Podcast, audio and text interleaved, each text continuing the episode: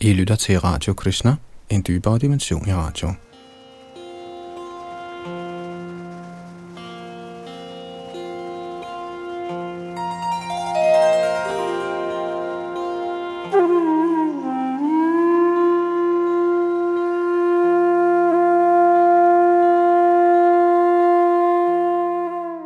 I vores løbende gennemgang af Srimad Bhagavatam er vi i gang med 11. bog, Kapitel nummer 13. Avatar besvarer spørgsmål fra Brahmas sønner. Sidste gang nåede vi frem til med tekst 31, og fortsætter i dag med tekst 32. Og den her nuværende samtale er foranledet af et spørgsmål angående, hvorvidt man kan adskille sindet fra sanseobjekterne. Da Brahma selv var ude af stand til at besvare det her spørgsmål, påkaldte han den højeste herre, der i form af Hangs viste sig fra Brahma og hans sønner. Og det er den fortsatte samtale, der her udspiller sig, og det første spørgsmål, som vi måske husker, af sønnerne spurgte Hangs, var, hvem er du? Og dette spørgsmål øh, fik øh, Hans avatar til at komme med en mindre bebrejdelse. Og øh, denne fortsatte samtale hører vi her, hvor vi fortsætter med tekst 32, hvor Yadunananda er bag mikrofon og teknik.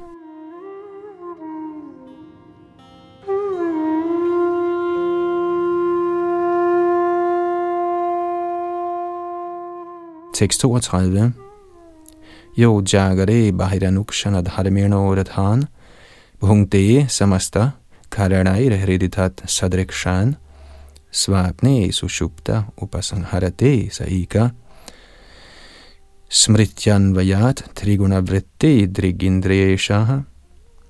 I vågen tilstand nyder det levende væsen med alle sine sanser de flygtige egenskaber ved det fysiske læme og sind.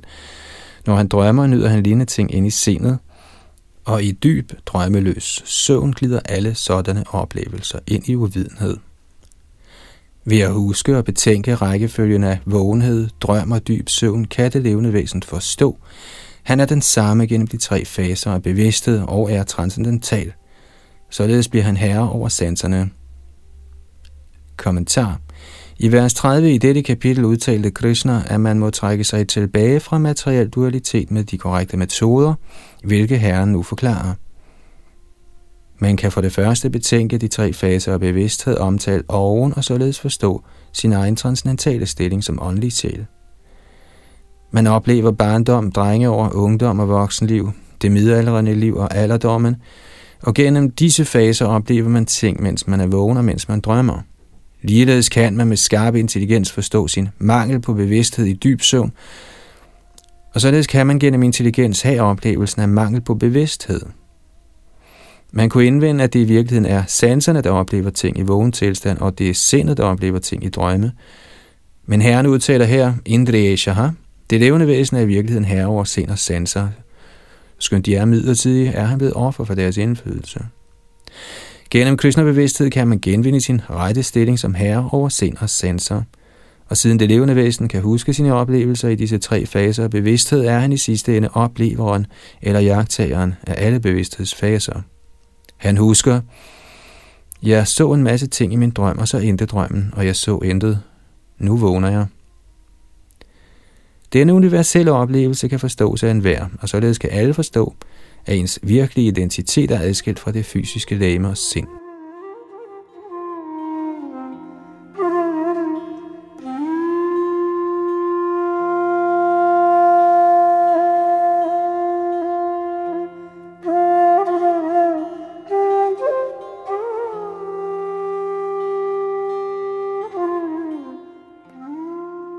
Tekst 33 Evang vingrishya gunato manasastriyavastha manmayaya maikrita iti nishchitartha sanchidyaharadam anumana sadukti tikshna gyana sina bhajatamakhila sangshayadhim. I skulle overveje, hvordan disse tre tilstande i sindet, der forårsages af naturens kvaliteter, på kunstig vis tros eksisterer inde i mig – Efter definitivt at have afdækket sandheden om sjælen, skal de benytte jer af kundskabens skærpede svær, opnået ved logisk overvejelse og af undervisning fra vismænd og vediske litteratur til helt at overskære det falske ego, der er grobunden for enhver tvivl. Derpå skal I alle tilbede mig, der er inde i hjertet. Kommentar. Den, som har opnået transcendental viden, er ej længere afhængig af de tre niveauer af almindelig bevidsthed, nemlig vågenhed, drøm og drømmeløs søvn. Således frigør man sit materielle sind for trang til at blive nyderne af Herrens lave og energi, og man ser alt som del af eje af Herrens kraft, kun tiltænkt Herrens egen glæde.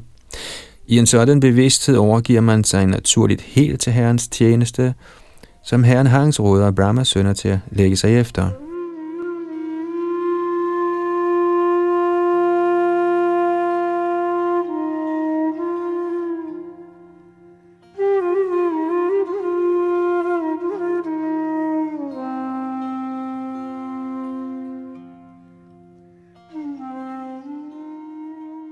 Tekst 34 Iksheta vibramamidanga manaso vilasang drishtang vinastang atilola malata chakram vigyanamekam urdheva vibhati maya svapnastridha guna visarga krito vikalpaha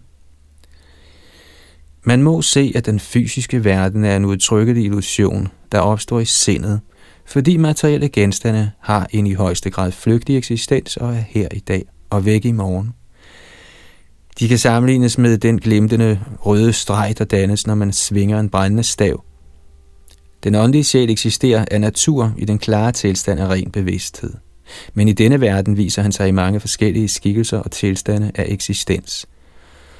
Naturens fremtrædelsesformer deler sjælens bevidsthed i vågenhed, drøm og drømmeløs søvn. Alle sådanne variationer af opfattelse er imidlertid Maya, og eksisterer kun som en drøm. Kommentar Herren beskriver nu en yderligere metode til at hæve sig over det illusoriske samspil mellem det materielle sind og de fysiske sanseobjekter. Lasa betyder springe eller danse, og således indikerer Manaso Vilasam her, at det fysiske sind på kunstig vis springer fra den ene livsopfattelse til den anden. Hvor normale bevidsthed er imidlertid en, Vijnana Ekam. Derfor skal man nøje studere den materielle verdens flygtige, her i dag, væk i morgen natur, og løsrive sig fra Mayas illusoriske variation.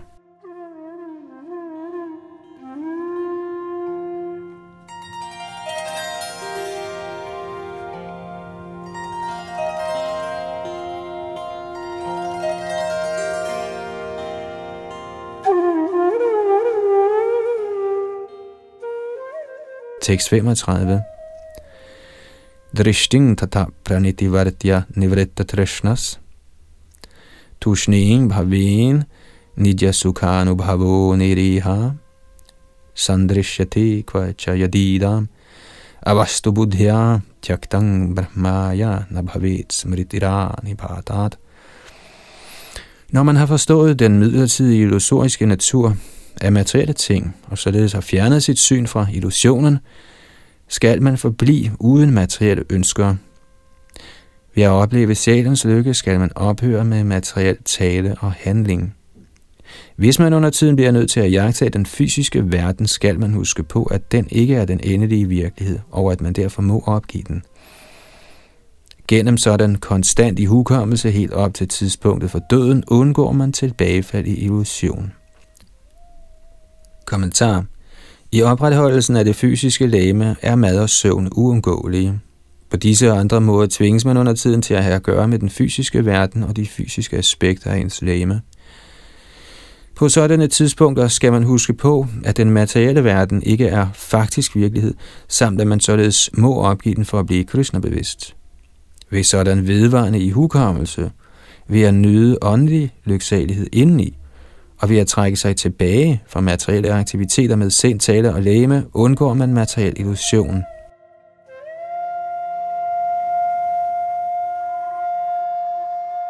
Shrila Bhaktisiddhanta Saraswati Thakur kommenterer som følger, citat, det levende væsen, der lever i Herrens ydre energi, skal opgive enhver iver efter sansenydelse og skal undlade at handle for sin egen nydelses skyld.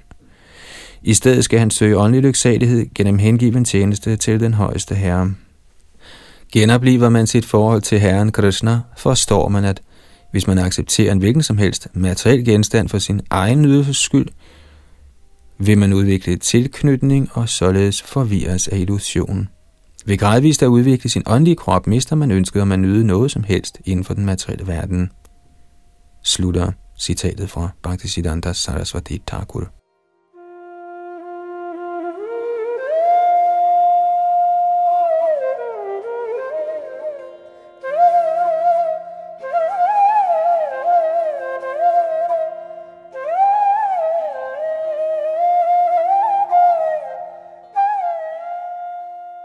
Tekst 36. Dihang chanashvaram avastitam uttitangava. Siddho na pashyati yato dhyagamat svarupam. Daivadapetam atadaiva vasadupetam. Vaso yata parikritang madira madandhaha. Ligesom en fuld mand ikke lægger mærke til, om han har sin jakke eller skjorte på, lægger den, som er fuldkommen i selverkendelse og som således har opnået sin evige identitet, ikke mærke til, om den midlertidige krop sidder eller står.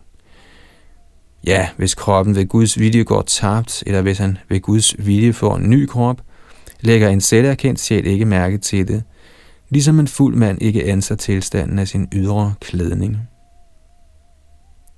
Kommentar En Krishna-bevidst person, der har opnået sin åndelige identitet, ser ikke sansenydelse som målet med sit liv. Han er konstant beskæftiget i Herrens tjenester og ved, at den midlertidige krop og det flygtige sind er materielle. Gennem højere intelligens i Krishna-bevidsthed holder han sig beskæftiget i Herrens tjeneste. Eksemplet med den fulde mand i dette vers er vældig godt. Det er velkendt, at mænd drikker sig fulde til sociale begivenheder og mister bevidstheden om deres ydre tilstand. Ligeledes har en befriet set allerede opnået sin åndelige krop, og er således klar over, at hans fortsatte tilværelse ikke afhænger af den fysiske krop.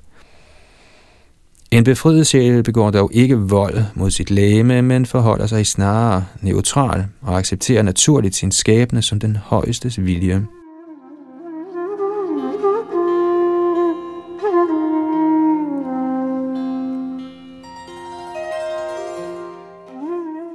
Tekst 37.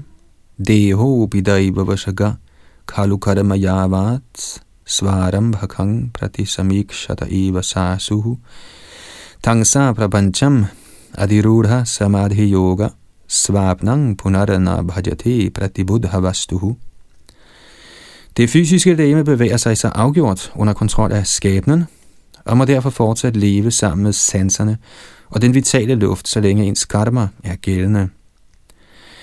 I midlertid vil en selverkendt sjæl, der er vundet op til den absolute virkelighed, og som således befinder sig højt placeret på yogans perfekte stadie, aldrig igen overgive sig til den materielle krop og dens mangfoldige udtryk, velvidende, at den er nøjagtig ligesom en krop, man forestiller sig i en drøm. Kommentar Selvom Herren Krishna i forrige vers anbefalede, at en selverkendt sjæl ikke viser kroppen opmærksomhed, er det tydeligt ud fra Herrens udtalelse her, at man ikke på tåbelig vis skal sulte eller beskadige kroppen, men vente indtil kæden af ens tidligere frugtbærende arbejde er helt udtømt. På det tidspunkt vil kroppen automatisk dø ifølge skæbnen. Den følgende tvivl kan der opstå. Hvis en Krishna-bevidst person på forsvarlig vis sørger for at opretholde sin krop, er der så fare for at blive knyttet til den. Herren Krishna udtaler her, at den, som er højt avanceret i Krishna-bevidsthed og således klar over, at Krishna er den egentlige vastu eller virkelighed, aldrig igen overgiver sig til den illusoriske identifikation med den fysiske krop, der er nøjagtig ligesom den krop, man ser i en drøm.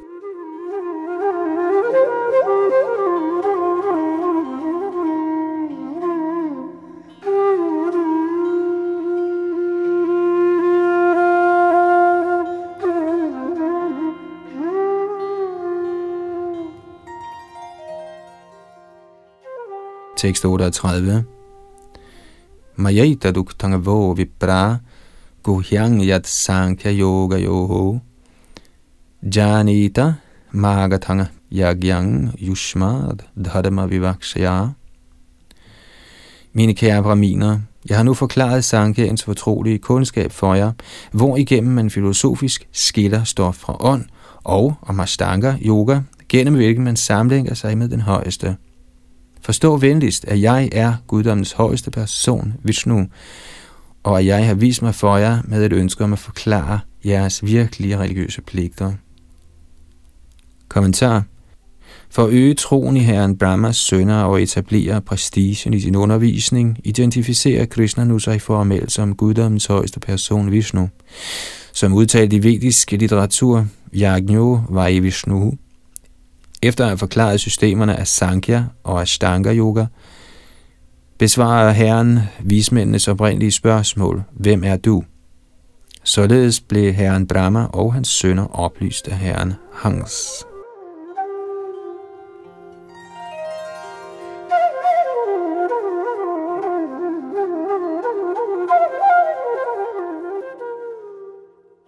Tekst 39. Ahang yogasya sankyasya satya syartasya tejasaha parayanang dvidya shreshtha shriya kirtirdamassya cha. O I bedste af braminer, vid, at jeg er det højeste ly for yogasystemet, analytisk filosofi, dydig handling, tro religiøse principper, magt, skønhed, berømmelse og selvkontrol. Kommentar Ifølge Srila Shridhar Swami henviser de synonyme ord Sandhyasya og Hridasya henholdsvis til forsvarlig udførelse af religiøse principper og en overbevisende fremvisning af religion. Srila Vishana Chakravarti Thakur påpeger, at Brahmas sønner var slået af forundring over guddoms højeste persons fremstilling og tænkte, hvilken vidunderlig kundskab vi netop har hørt. I anerkendelse af deres overraskelse talte Herren dette vers for at bekræfte deres forståelse af ham.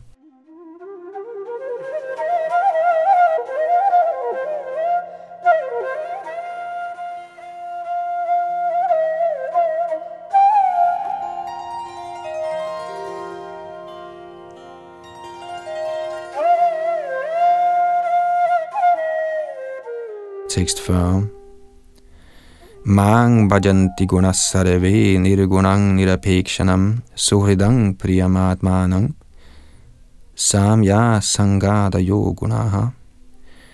Alle højere transcendentale kvaliteter, såsom at være hinsides naturens fremtrædelsesformer, utilknyttet, velønderen, den kæreste, oversjælen, ligeligt situeret overalt og fri for materiel indvikling, alle sådanne kvaliteter, der er fri for de materielle kvaliteters omdannelser, finder deres ly og tilbydelsesværdige genstand i mig. Kommentar Fordi Herren Krishna i forrige vers forklarede sin ophøjede natur, kunne Brahmas sønner i nogen grad have betvivlet Herrens stilling og tænkt, at de havde opdaget en vis stolthed i Herrens sind. Derfor kunne de have betvivlet den undervisning, de netop havde fået af Herren Hans. I foregribelse af sådan tvivl præciserer Herren straks situationen i det pågældende vers. Herren forklarer, at Herrens transcendentale læme, modsat almindelige levende væsener helt op til Brahmas standard, ikke er forskellig fra hans evige selv, og ikke har nogen materielle kvaliteter, såsom falsk egoisme.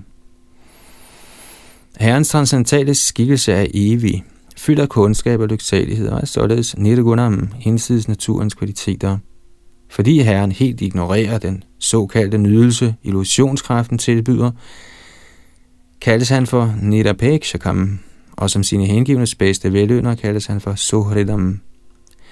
Priyam peger på, at Herren er den højeste genstand for kærlighed, og at han etablerer vidunderlige kærlige forhold til sine hengivne.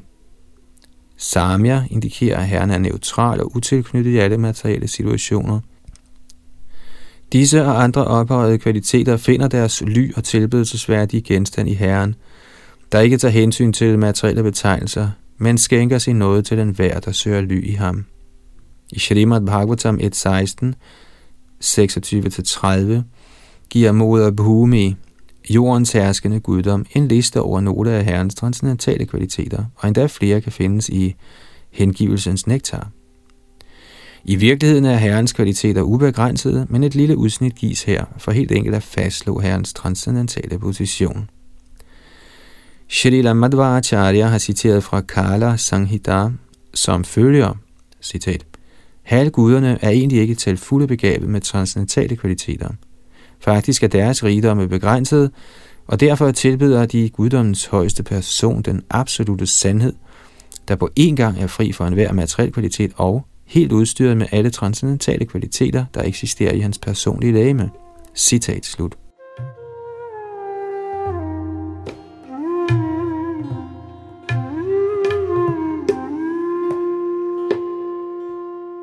Tekst 41 og 42 Herren Krishna fortsatte, Kære Udhav, vismændene under ledelse af Sanak fik således ødelagt alle deres tvivl gennem mine ord. I fuld tilbedelse af mig, med transcendental kærlighed og hengivenhed, lovpriser de mine herligheder med udsøgte hymner. De største af vismænd, anført af Sanaka Rishi, tilbad og lovpriste mig således til fulde, og mens herren Brahma så på, vendte jeg tilbage til min egen bolig.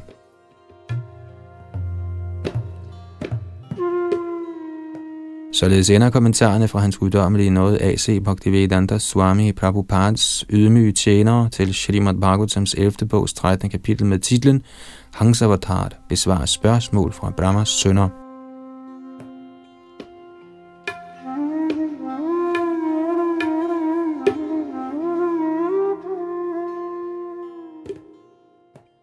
Kapitel 14 Herren Krishna forklarer yogasystemet for Shri Udhava. Tekst 1.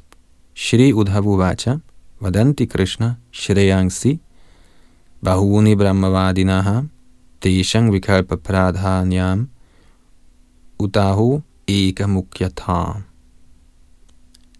Shri Udhav sagde, Kære Krishna, de lærte vismænd, der forklarer vedisk litteratur, anbefaler forskellige metoder til livets fuldkommengørelse – vil du i betragtning af disse skiftende synspunkter, min herre, være venlig at fortælle mig, om alle disse metoder er lige vigtige, eller om en af dem er den forreste?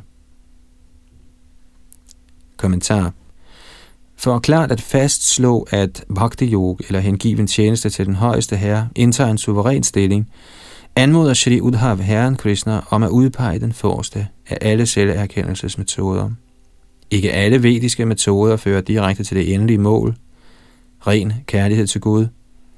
Nogle højner kun gradvist det levende væsens bevidsthed.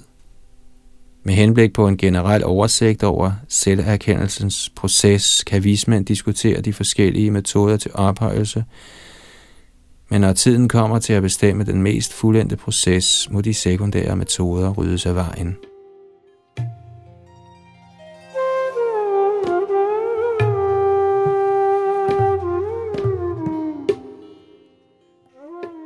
Tekst 2.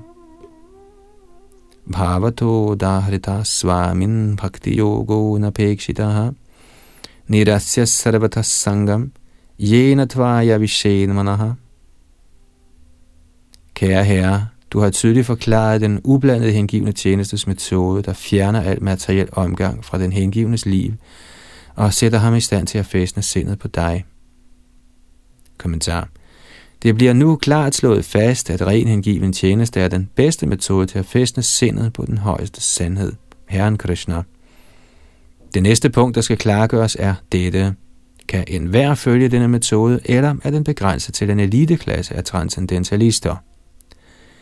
I diskussionen om de relative fordele ved forskellige åndelige metoder, må man først udpege det åndelige livs mål, og derpå isolere den metode, der faktisk fører til dette mål – Metoderne skal defineres i henhold til, om de har en primær eller sekundær funktion. En metode, der skænker den højeste perfektion er primær, hvorimod de metoder, der kun bistår eller forstærker den primære funktion, regnes for sekundære. Sindet er yderst flygtigt og ustabilt. Derfor skal man med klar intelligens lægge sig efter en fremadskridende modus i livet, og således kan man nå den absolute sandhed i dette liv. Det er den nøgterne hensigt med Herren Krishnas konversation med Sri Udhav.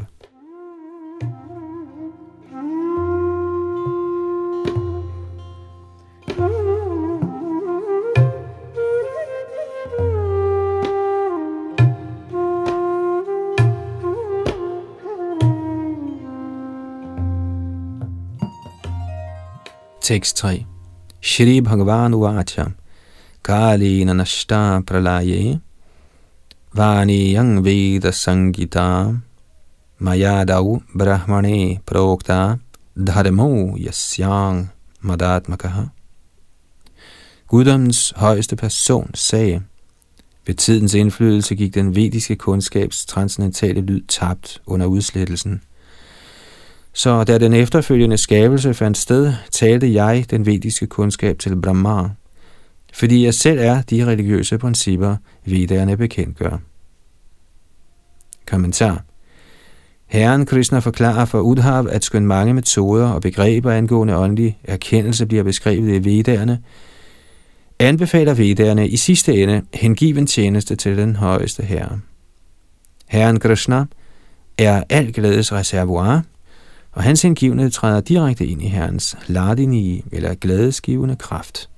Man må på en eller anden måde fæstne sindet på herren Krishna, og det der altså ikke gøre uden hengiven tjeneste.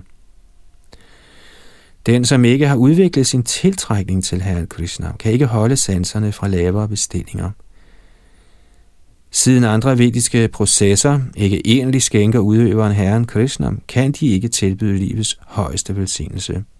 Vedernes transcendentale lyd er i sig selv det højeste bevis, men den hvis sanser og sind er indviklet i sansenydelse og mental spekulation, og hvis hjerte derfor er dækket af materielt støv, kan ikke direkte tage imod det vediske budskab. Således er man ude af stand til at påskynde den ophøjede stilling, herrens indgivende tjeneste indtager.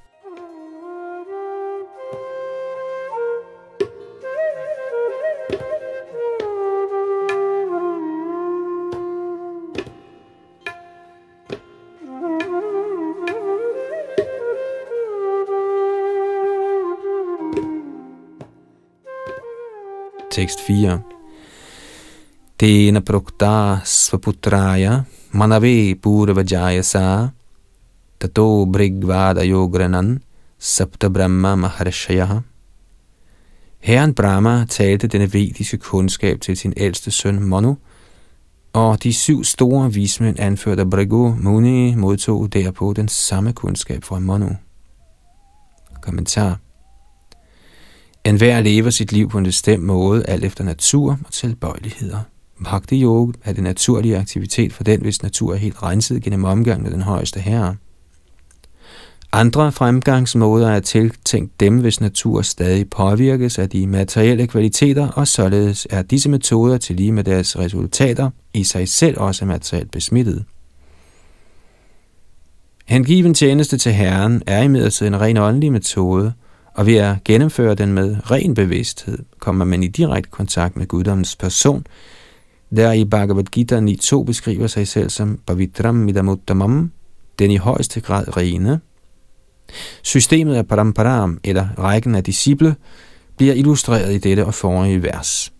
De åndelige mestre i Chaitanya Mahaprabhus bevægelse er del af en sådan disciplerække, og gennem dem er den samme vediske viden, der af Brahma blev talt til Manu, stadig tilgængelig.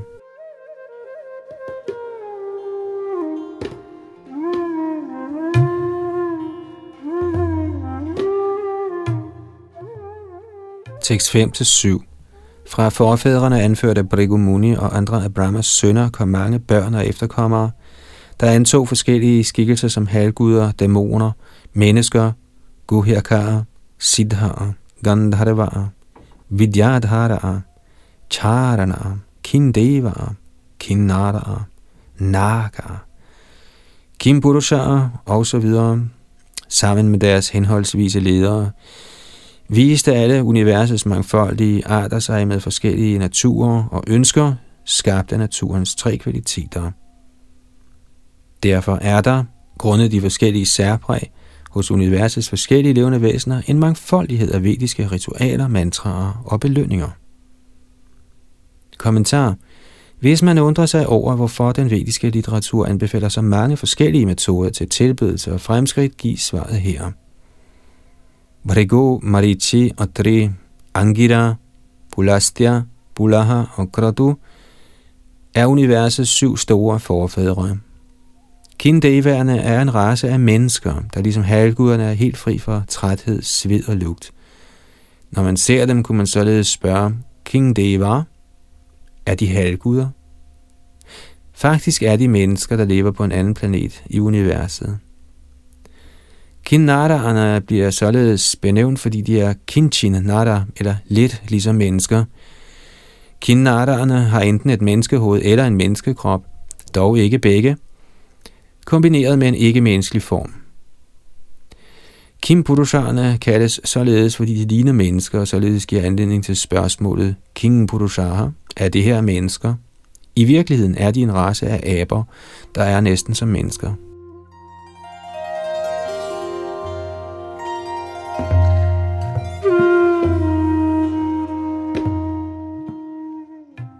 Shrila Bhaktisiddhanta Sarasvati Thakur forklarer, at dette vers beskriver de forskellige typer af glemsomhed om guddommens højeste person.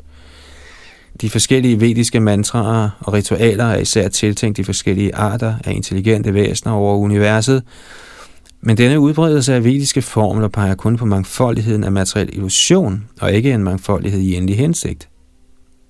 Den endelige hensigt med de mange vediske påbud er en, at kende og elske guddommens højeste person – Herren i egen person forklarer dette eftertrykkeligt for Shri Uddhav.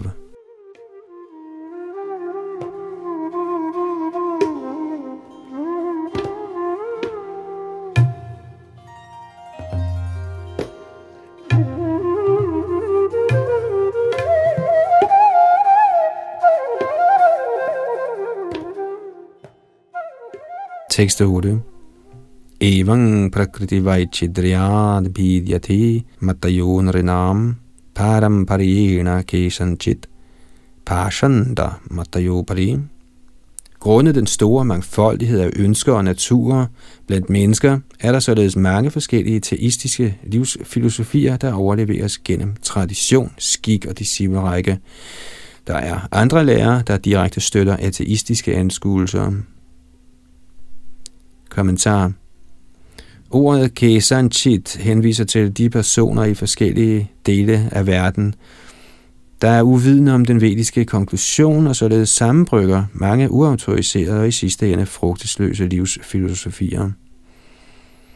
Parshan Damataya henviser til dem, der direkte modsætter sig den vediske konklusion. Shri Vishana Chakravarti Thakur har givet følgende yderst interessante eksempel. Gangesvand er altid rent og meget frisk. Men på bredden af denne storslåede flod er der i slags giftige træer, hvis rødder drikker gangesvand fra jordbunden og bruger det til at producere giftig frugt. Ligeledes bruger de, som er ateistiske eller dæmoniske, deres omgang med vedisk viden til at producere den ateistiske eller materialistiske filosofis giftige frugter –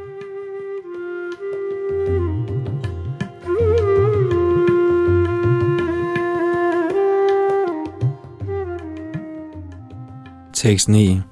Manamaya mohitadhiya purusha purusharashabha Shreyo vadantyane kantam. Yatha karma yatha ruchi. O du bedste af mænd, Menneskers intelligens forvirres af min illusionskraft, og alt efter deres egne handlinger og luner taler de således på utallige måder om, hvad der egentlig er godt for folk. Kommentar. Modsat guddommens højeste person er det individuelle levende væsen ikke alvidende, hvorfor hans handlinger og glæder ikke repræsenterer hele sandheden. Ifølge ens egen måde at gøre ting på, yatha karma, og ens personlige præferencer, yatha ruchi, fortæller man andre, hvad der er godt for dem. En hver tænker, det som er godt for mig er godt for alle. I virkeligheden er den bedste ting for enhver at overgive sig til guddommens højeste person, Herren, Krishna, og således erkende sin evige natur af lyksalighed og kundskab. Uden kundskab om den absolute sandhed rådgiver mange såkaldte lærte mennesker, andre forvirrede mennesker, der også mangler forsvarlig viden om livets egentlige mål.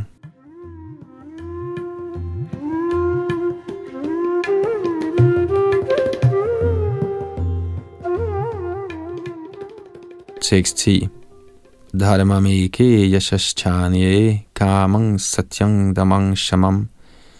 Anye vadanti svarthang vam aishwaryang tyaga bhojanam. Kechid yagyam tapodanam. Vratani niyamam yamanam. Nogle siger, at folk bliver lykkelige gennem fromme religiøse handlinger. Andre siger, at lykke opnås gennem berømmelse, sansenydelse, sandfærdighed, selvkontrol, fred, egennytte, politisk indflydelse, velstand, forsagelse, konsumtion, offer, båd, godgørenhed, løfter, religiøse pligter eller streng disciplinær regulering. Hver metode har sin fortaler. Kommentar Dharmameke henviser til de ateistiske filosofer kaldet Kardamamimamsakara, der hævder, at man ikke skal spille tid på at bekymre sig om Guds rige, som ingen nogensinde har set, og hvorfra ingen nogensinde er vendt tilbage. Snarere skal man dygtigt udnytte Kadamas lov og udføre frugtbærende handlinger på en sådan måde, at man altid er velsitueret. Hvad angår berømmelse, siges det, at så længe et menneskes berømmelse lovsynges på de fromme planeter, kan han leve i tusinder af år i den materielle himmel. Gamam henviser til vediske tekster såsom Karma Sutra, såvel som i millioner af moderne bøger, der giver vejledning i sexnydelse. Nogle mennesker hævder, at livets højeste dyd er ærlighed, andre siger, at det er selvkontrol, fred i sindet osv. Hvert standpunkt har fortaler og såkaldte skrifter. Andre siger, at lov, orden og moral er de højeste dyder, hvorimod igen andre taler for politisk indflydelse som menneskets virkelige egen nytte. Nogle siger, at man skal give alle sine materielle besiddelser til de trængende. Andre hævder, at man skal forsøge at nyde livet så langt som muligt. Og andre anbefaler daglige ritualer, disciplinære løfter, bodsøvelser osv.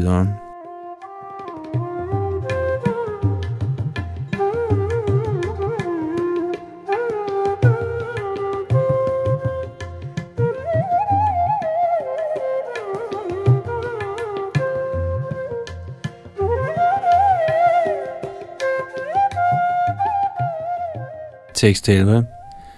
Adyantavanta evaisang loka karma vinirmitaha dukho darkastamo nishta kshudra manda sucharepitaha. Alle de personer, jeg netop har omtalt, opnår midlertidige frugter af deres materielle arbejde.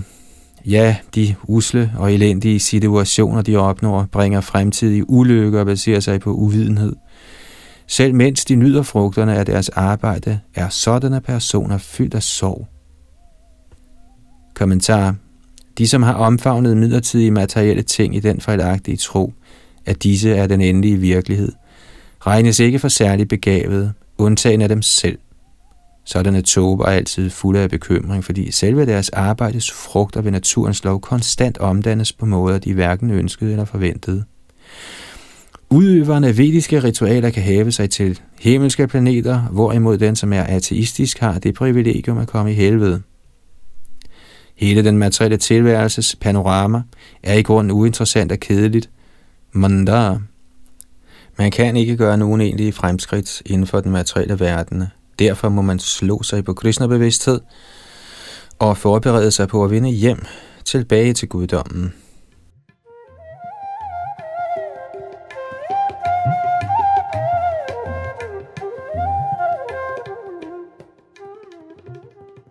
Tekst 12. Mayarpitat manasabhya nirapekshasya sarvataha Mayatmana sukhang yatat kutasyad vishayatmanam O lærte udhave, de som fæstner deres bevidsthed på mig og giver afkald på alle materielle ønsker, deler en lykke med mig, der umuligt kan erfares af dem, der er optaget af sansenydelse. Kommentar Den vediske videns virkelige betydning bliver forklaret i dette vers.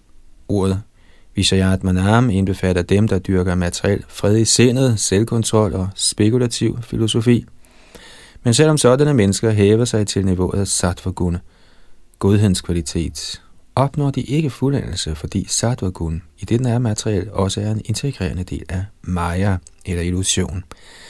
Som udtalt af Shri Narad Muni, Kingva yogena sankena nyasa svadhyaya yorapi Kingva shreyo bhiranyascha Nayatratma pradoharihi Citat Guddoms højeste person er ikke tilbøjelig til at give sig selv, sågar til dem, der følger yogasystemet. Spekulativ filosofi, den forsagende orden eller veda-studier. Faktisk kan ingen såkaldt materielt gunstig metode bringe Herren til at vise sig. Citat slut. Bhagavatam 4.31.12 Ifølge Shrita Shridhar Swami nyder man den lykke, dette vers omtaler, mens man i sit eget åndelige læme omgås Herrens suveræne transcendentale skikkelse. Herrens transcendentale form er fyldt af endeløse vidunderlige kvaliteter, og lykken ved Herrens samvær er uendelig. Desværre er materialistiske folk ude af stand til overhovedet at forestille sig sådan en lykke, siden de slet ikke er tilbøjelige til at elske guddoms højeste person.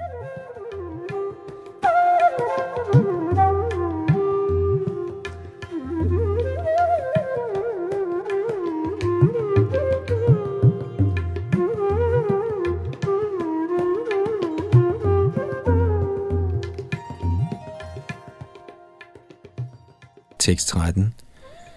Akinjanasya dantasya shantasya samachetasaha maya santushta manasa sareva sukha maya dishaha. Den, som ikke begærer noget i denne verden, som har opnået fred ved at styre sine sanser, hvis bevidsthed er ens under alle forhold, og hvis sind er helt tilfreds i mig, oplever lykke, hvor han indfærdes. Kommentar en hengiven, der vedvarende mediterer på Krishna, erfarer transcendental lyd, berøring, form, smag og duft i Herrens tidsfordriv. Disse sublime perceptioner skyldes sig afgjort Krishnas ubegrundede barmhjertighed over den, hvis sind og sanser helt er tilfreds i ham. Et sådan menneske oplever kun lykke, hvor han indkommer.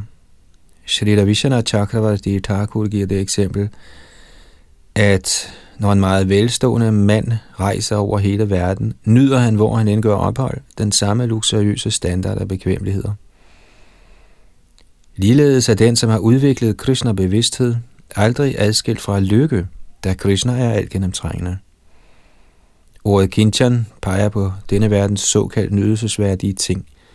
Den, som er akinchan, har korrekt forstået, at materiel sansenydelse kun er illusionens glimmer, og derfor er en sådan person dantasya, eller selvbehersket, shantasya, eller fredfyldt, samt maya santushta manasaha, eller helt tilfreds med sin transcendentale oplevelse af guddommens højeste person.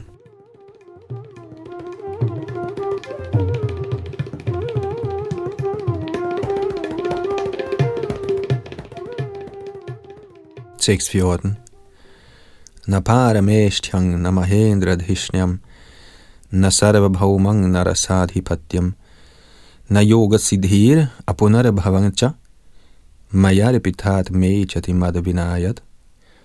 Den, som har fæstnet sin bevidsthed på mig, begærer hverken herren Brahmas eller herren Indras stilling eller bolig, ej heller et jordisk kejserdømme, ej heller suverænitet på de lavere planetsystemer eller yogans ottefold færdigheder, ej heller udfrielse for fødsel og død. En sådan person begærer kun mig. Kommentar. Stillingen af en ren Akinchan hengiven beskrives i dette vers. Shri Priyavrata Maharaj er et eksempel på en stor hengiven, som ikke nærede nogen interesse for kosmisk suverænitet, fordi hans kærlighed helt var fordybet i Herrens lotusfødder. Selv den største materielle nydelse forekommer helt ubetydeligt at være diløs for Herrens rene hengivne.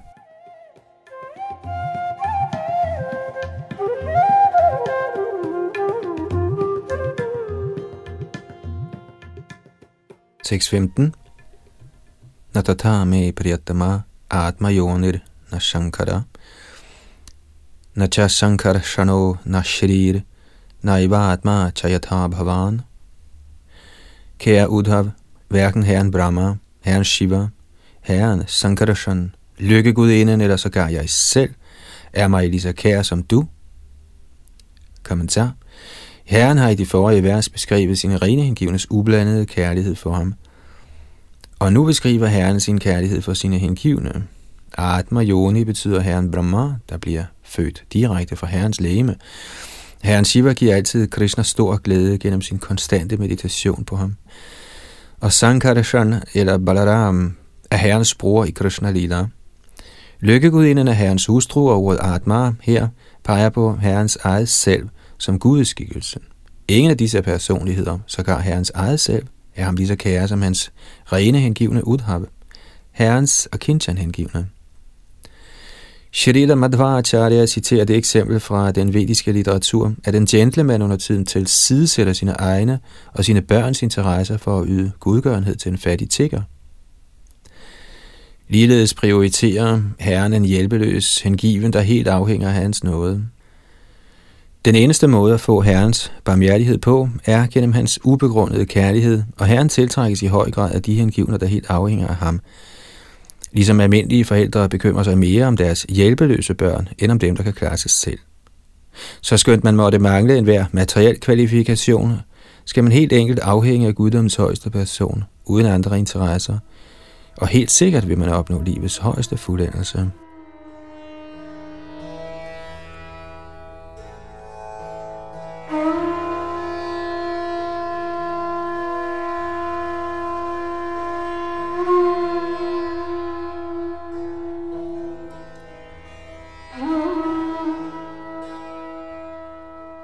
Tekst 16. Nirapeksha munin shantam nirvairam samadarshanam anuvrajamyaham nityang puye ye tyangrerenobhi. Med støvet fra mine hengivnes lotusfødder ønsker jeg at rense de materielle verdener, der befinder sig inde i mig. Således følger jeg altid i fodsporene på mine rene hengivne, der er fri fra alle personlige begær, fordybet i tanker på mine tidsfordriv fredfyldte, uden følelse af fjendskab, og er ligevægtigt gemyt overalt. Kommentar. Ligesom de hengivne altid følger i fodsporene på Herren Krishna, følger om Herren Krishna, der er sine hengivne hengiven, i fodsporene på sine hengivne. Herrens rene tjenere mediterer konstant på Herrens tidsfordriv og tænker på, hvordan de kan bistå Herren i hans mission – alle de materielle universer befinder sig i Shri Krishnas krop, som vist for Arjuna, Moria Soda og andre. Herren Krishna er guddommens højeste person, og derfor kan der umuligt være tale om urenheder i Herren.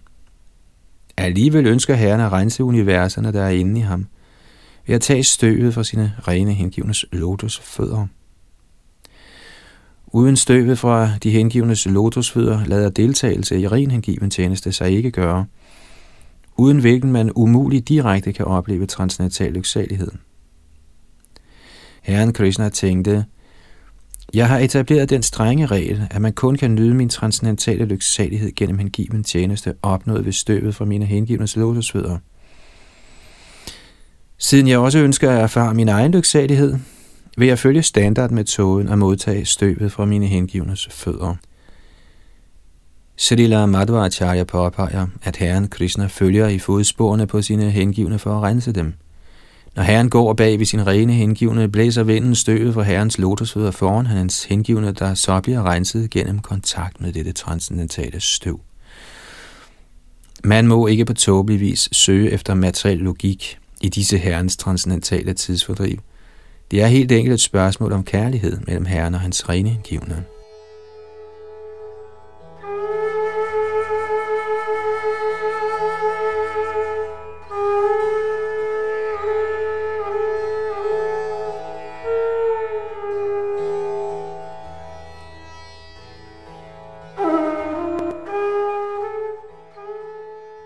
Tekst 17.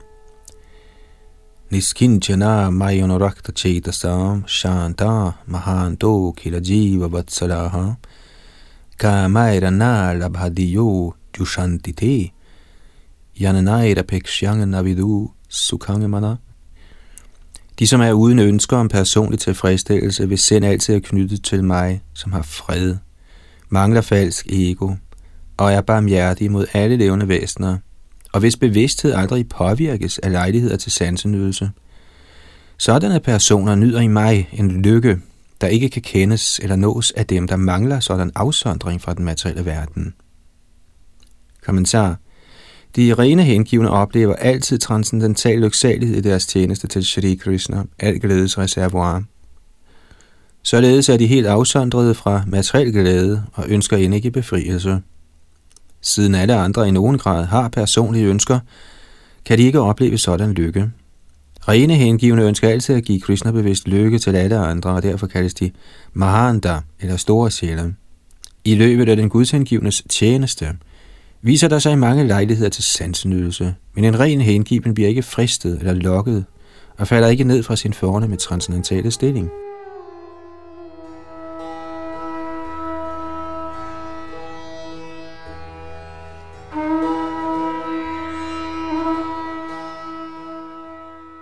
Tekst 18. Badhyamano pimad bhakto vishayai rajitendriya praya pragalbhaya bhaktya vishayair nabhibhuyati. Kære Udhav, har min hengivne ikke helt kudet sine sanser, kan han hjemsøge sig materielle begær. Men, grundet hans urokkelige hengivenhed for mig, vil han ikke overvinde sig sansenydelse. Kommentar. Abhibhu Yate peger på at falde ned i den materielle verden og blive overvundet af Maya. Men skønt hans santa ikke er helt under kontrol, løber den, som nærer urokkelig hengivenhed for Herren Krishna, ingen risiko for at blive adskilt fra ham. Ordene Pragalbhaya Bhaktya henviser til en person, der nærer stor hengivenhed for Herren Krishna, og ikke til den, som ønsker at begå syndige handlinger og recitere Hare Krishna for at undgå reaktionen. På grund af tidligere uvaner og umodenhed kan selv en oprigtig hengiven forstyrres af langvarig tiltrækning til den læmelige opfattelse af livet, men hans urokkelige hengivenhed for Krishna vil beskytte ham. Srila Vishana Chakravarti Thakur giver de følgende to eksempler. En mægtig kriger kan blive ramt af fjendens våben, men grundet hans taberhed og styrke bliver han ikke dræbt eller overvundet. Han tager stødet og kæmper videre mod sejr. Ligeledes kan man blive alvorligt syg, men tager man den rigtige medicin, er man snart rask. Hvis de, som følger det upersonlige system af spekulation og selvtugt, afviger selv det mindste fra deres vej, falder de ned. En Guds hengiven derimod, skønt muligvis umoden, falder aldrig for vejen af hengiven tjeneste. Selvom han udviser lejligheds svaghed, regnes han stadig for hengiven, hvis hans hengivenhed for Herren Krishna er meget stærk som Herren udtaler i Bhagavad Gita 9.30, Abhichet Suduracharo, Bhajate Mamananya Bhag, Sadhureva Samantavya Samyagvyavasito Hissaha. Det betyder, selvom han begår de mest afskyelige handlinger, skal han så frem han er engageret i hengiven tjeneste betragtes som hellig, fordi han er korrekt situeret.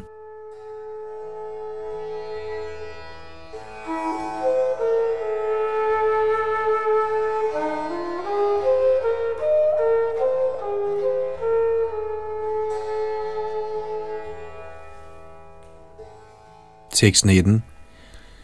Yathagne su sangridharchi karoti dhangsi bhasmasat tatha madvishaya bhaktir udhavainangsi kritsnashaha. Kære Udhav, ligesom en flammende ild forvandler brænde til aske, brænder ligeledes hengivenhed til mig, de sønder, mine hengivne måtte begå, fuldstændig til aske. Kommentar man må nøje notere sig, at Herren henviser til hengivenhed, der er som en flammende ild. At begå sønder i kraft af at synge det hellige navn er den største forbrydelse, og hengivenheden i den, som begår denne synd, kan ikke sammenlignes med den flammende ild, der er kærlighed til Krishna. Som udtalt i forrige vers, kan en oprigtig kærlig hengiven, grundet umodenhed eller tidligere uvaner, forstyrres af sine sanser, selvom man har accepteret Herren Krishna som det eneste mål i livet. Men selvom en hengiven ved et hændeligt uheld falder ned uden for sæt eller ligegyldighed, nedbrænder Herren straks hans syndige reaktioner, ligesom en flammende ild hastigt fortærer et ubetydeligt stykke træ. Herren Krishna er strålende, og den, som udelukkende søger sit ly i Herren, modtager de enestående fordele ved hengiven tjeneste til Guddoms højeste person.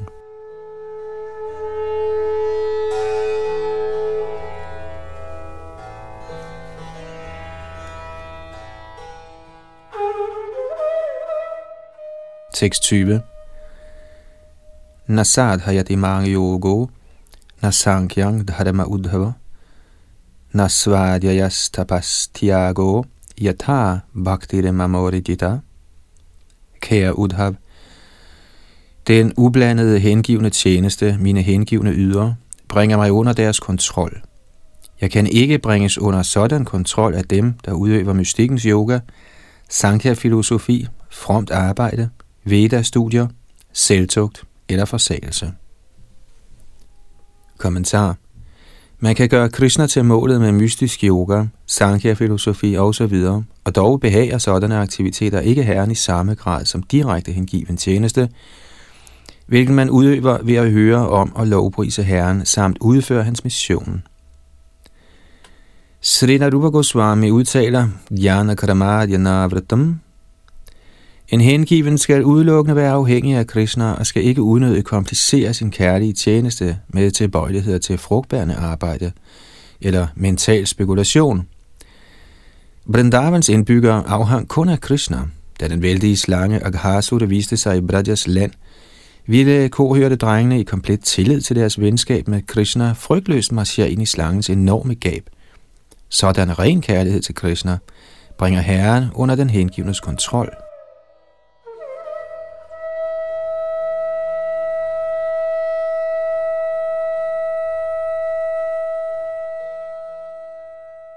Tekst 21. Bhaktyaham mikaya grahya Shradhayatma priya satam Bhakti punati mananishtha Shvapakan atisambhavat Kun ved at yde ublandet hengiven tjeneste med fuld tro på mig, kan man opnå mig, guddommens højeste person. Jeg er naturligt afholdt af mine hengivne, der ser mig som det eneste mål med deres hengivne tjeneste. Gennem sådan ren hengiven tjeneste kan sågar hundeæderne rense sig for besmittelsen af deres lave fødsel.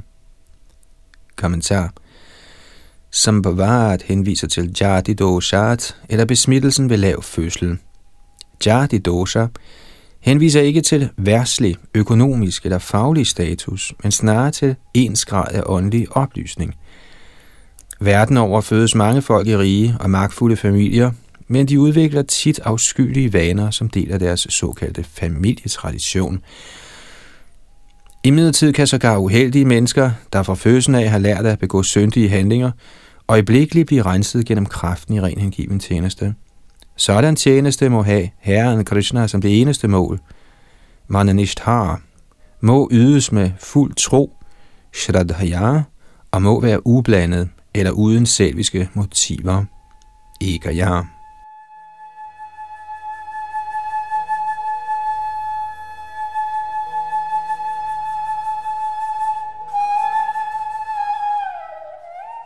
Her holder vi for denne omgang, hvad angår vores læsning fra Bhagavad. Og det er ved tekst 21, næste gang tekst 22 i den fortsatte samtale her mellem Krishna og Udhav i det nu 14. kapitel her i Bhagavatams 11. bog. Og det her kapitel hedder altså Herren Krishna forklarer yogasystemet for Shri Udhav. Og det fortsætter vi altså på i næste omgang ved tekst nummer 22. Her var det Yadunandandas, der styrede teknik og mikrofonen.